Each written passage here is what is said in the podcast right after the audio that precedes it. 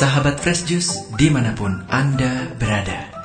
Kita berjumpa kembali dalam Fresh Juice hari ini Senin 28 Desember 2020 Bacaan dan renungan akan dibawakan oleh Bapak Sandi Kusuma dari Tangerang. Selamat mendengarkan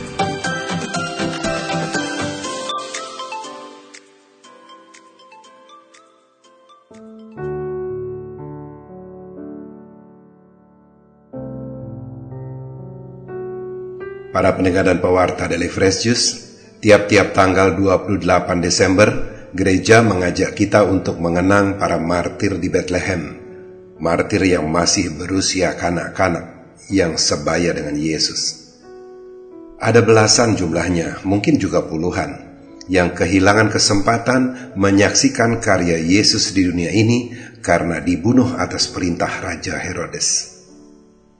Kelahiran anak yang seharusnya merupakan kebahagiaan bagi keluarga berubah menjadi ratap tangis. Bisa jadi saja para orang tua dan sanak saudaranya tidak bisa memahami mengapa kebahagiaan itu direnggut dari mereka. Anak-anak itu menjadi martir karena Yesus.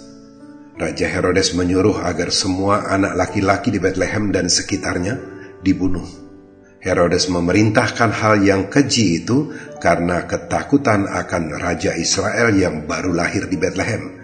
Tetapi ia sendiri tidak tahu kanak-kanak yang mana yang dimaksud sebagai calon raja itu.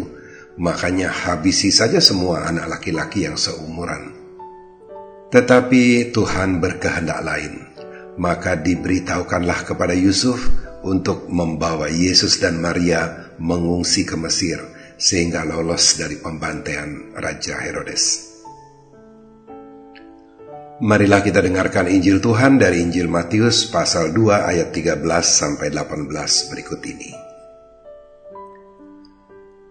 Setelah orang-orang Majus yang mengunjungi bayi Yesus di Bethlehem itu pulang, nampaklah malaikat Tuhan kepada Yusuf dalam mimpi. Malaikat itu berkata, "Bangunlah, Ambillah anak itu serta ibunya, larilah ke Mesir, dan tinggallah di sana sampai aku berfirman kepadamu, karena Raja Herodes akan mencari anak itu untuk dibunuh. Maka Yusuf pun bangunlah. Malam itu juga diambilnya anak itu serta ibunya, lalu menyingkir ke Mesir dan tinggal di sana hingga Herodes mati. Hal itu terjadi supaya genaplah yang difirmankan Tuhan lewat nabinya, dari Mesirku panggil anakku. Ketika Herodes tahu bahwa ia telah diperdaya oleh orang-orang majus itu, sangat marahlah ia. Lalu ia menyuruh membunuh semua anak di Bethlehem dan sekitarnya, yaitu anak-anak yang berumuran dua tahun ke bawah sesuai dengan waktu yang dapat diketahuinya dari orang-orang Majus itu. Dengan demikian genaplah firman yang disampaikan oleh Nabi Yeremia. Terdengarlah suara di Rama, tangis dan ratap yang amat memilukan. Rahel menangisi anak-anaknya dan ia tidak mau dihibur sebab mereka tidak ada lagi. Demikianlah Injil Tuhan.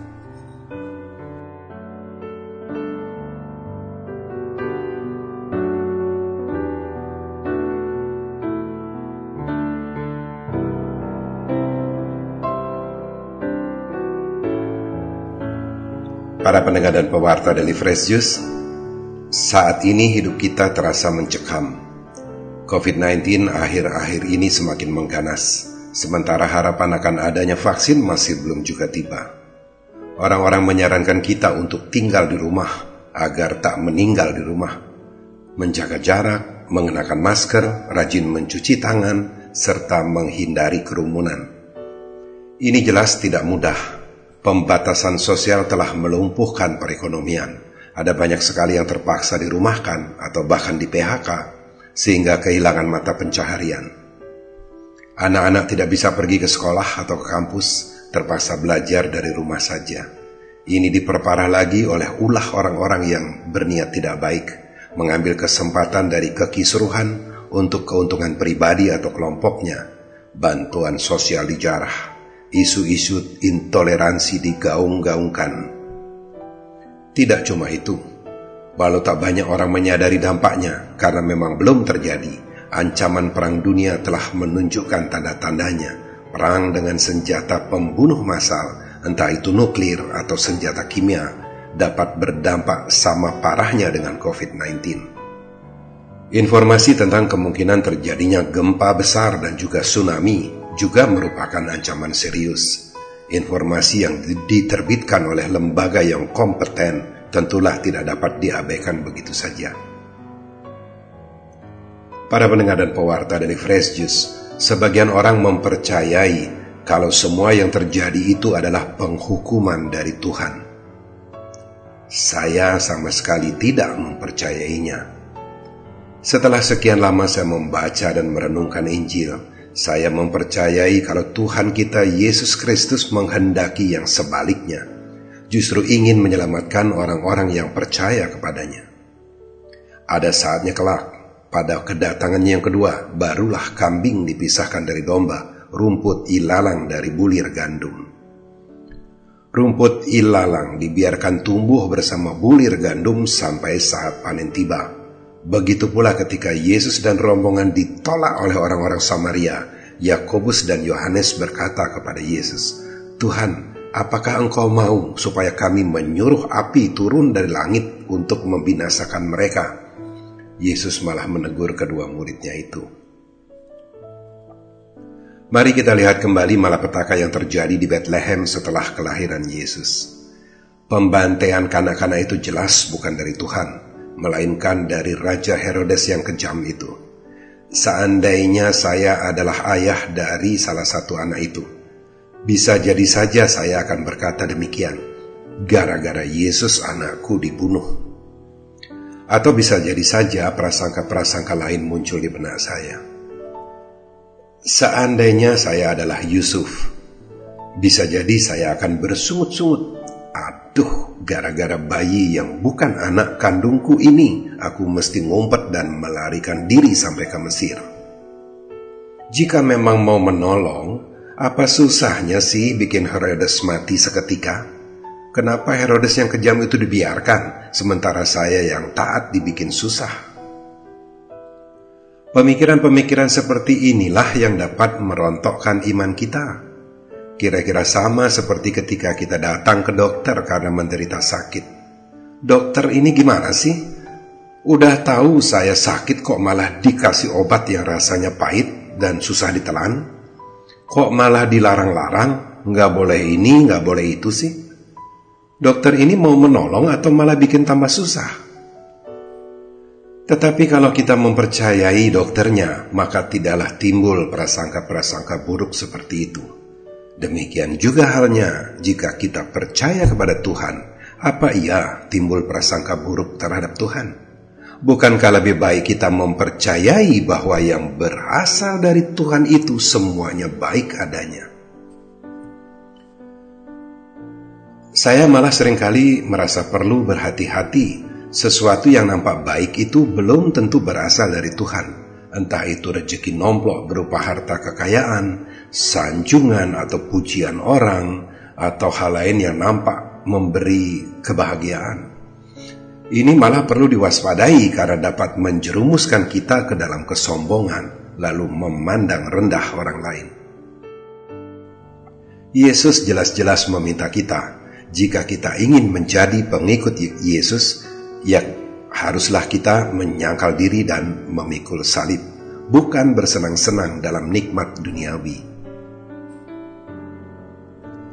Para pendengar dan pewarta dari Fresh Juice, mungkin sebagian dari kita saat ini sedang dirawat di rumah sakit atau sedang mengisolasi diri di rumah karena COVID-19 Mungkin sebagian dari kita terpaksa di rumah karena dirumahkan dari pekerjaan, atau mungkin sebagian dari kita sedang menderita karena dibenci orang, dicaci maki orang, atau sedang mengalami hal-hal buruk lainnya. Pandanglah itu sebagai salib yang mesti kita pikul, maka kita akan dikuatkan dan dimampukan untuk mengatasinya. Lihatlah betapa rindunya Tuhan hendak menolong kita yang sedang berkesusahan. Allah Bapa kita mempunyai banyak cara untuk menolong kita tanpa mesti merusak tatanan yang telah diciptakannya sendiri. Yusuf, suami Maria, berulang kali menerima pertolongan lewat mimpi. Saya juga berulang kali menerima pertolongan Tuhan, tetapi tidak lewat mimpi Barangkali karena saya sering kali lupa ketika terbangun, tadi mimpi apa ya? Tuhan menolong saya melalui peristiwa-peristiwa yang sering kali tak disangka-sangka, yang dahulu saya yakini sebagai suatu kebetulan, karena melalui peristiwa saya akan mengingatnya dalam jangka waktu yang lama. Marilah kita teguhkan iman kita bahwa Tuhan tidak sedang menghukum, sebanyak apa pun dosa yang telah kita perbuat. Jauhkanlah prasangka buruk itu dari hati dan pikiran kita, karena segala yang berasal dari Tuhan itu baik adanya. Amin. Sahabat Fresh Juice, kita baru saja mendengarkan Fresh Juice Senin 28 Desember 2020.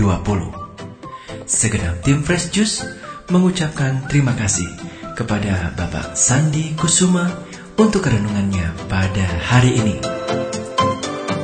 Sampai berjumpa kembali dalam Fresh Juice edisi selanjutnya. Tetap semangat, jaga kesehatan, dan salam Fresh Juice.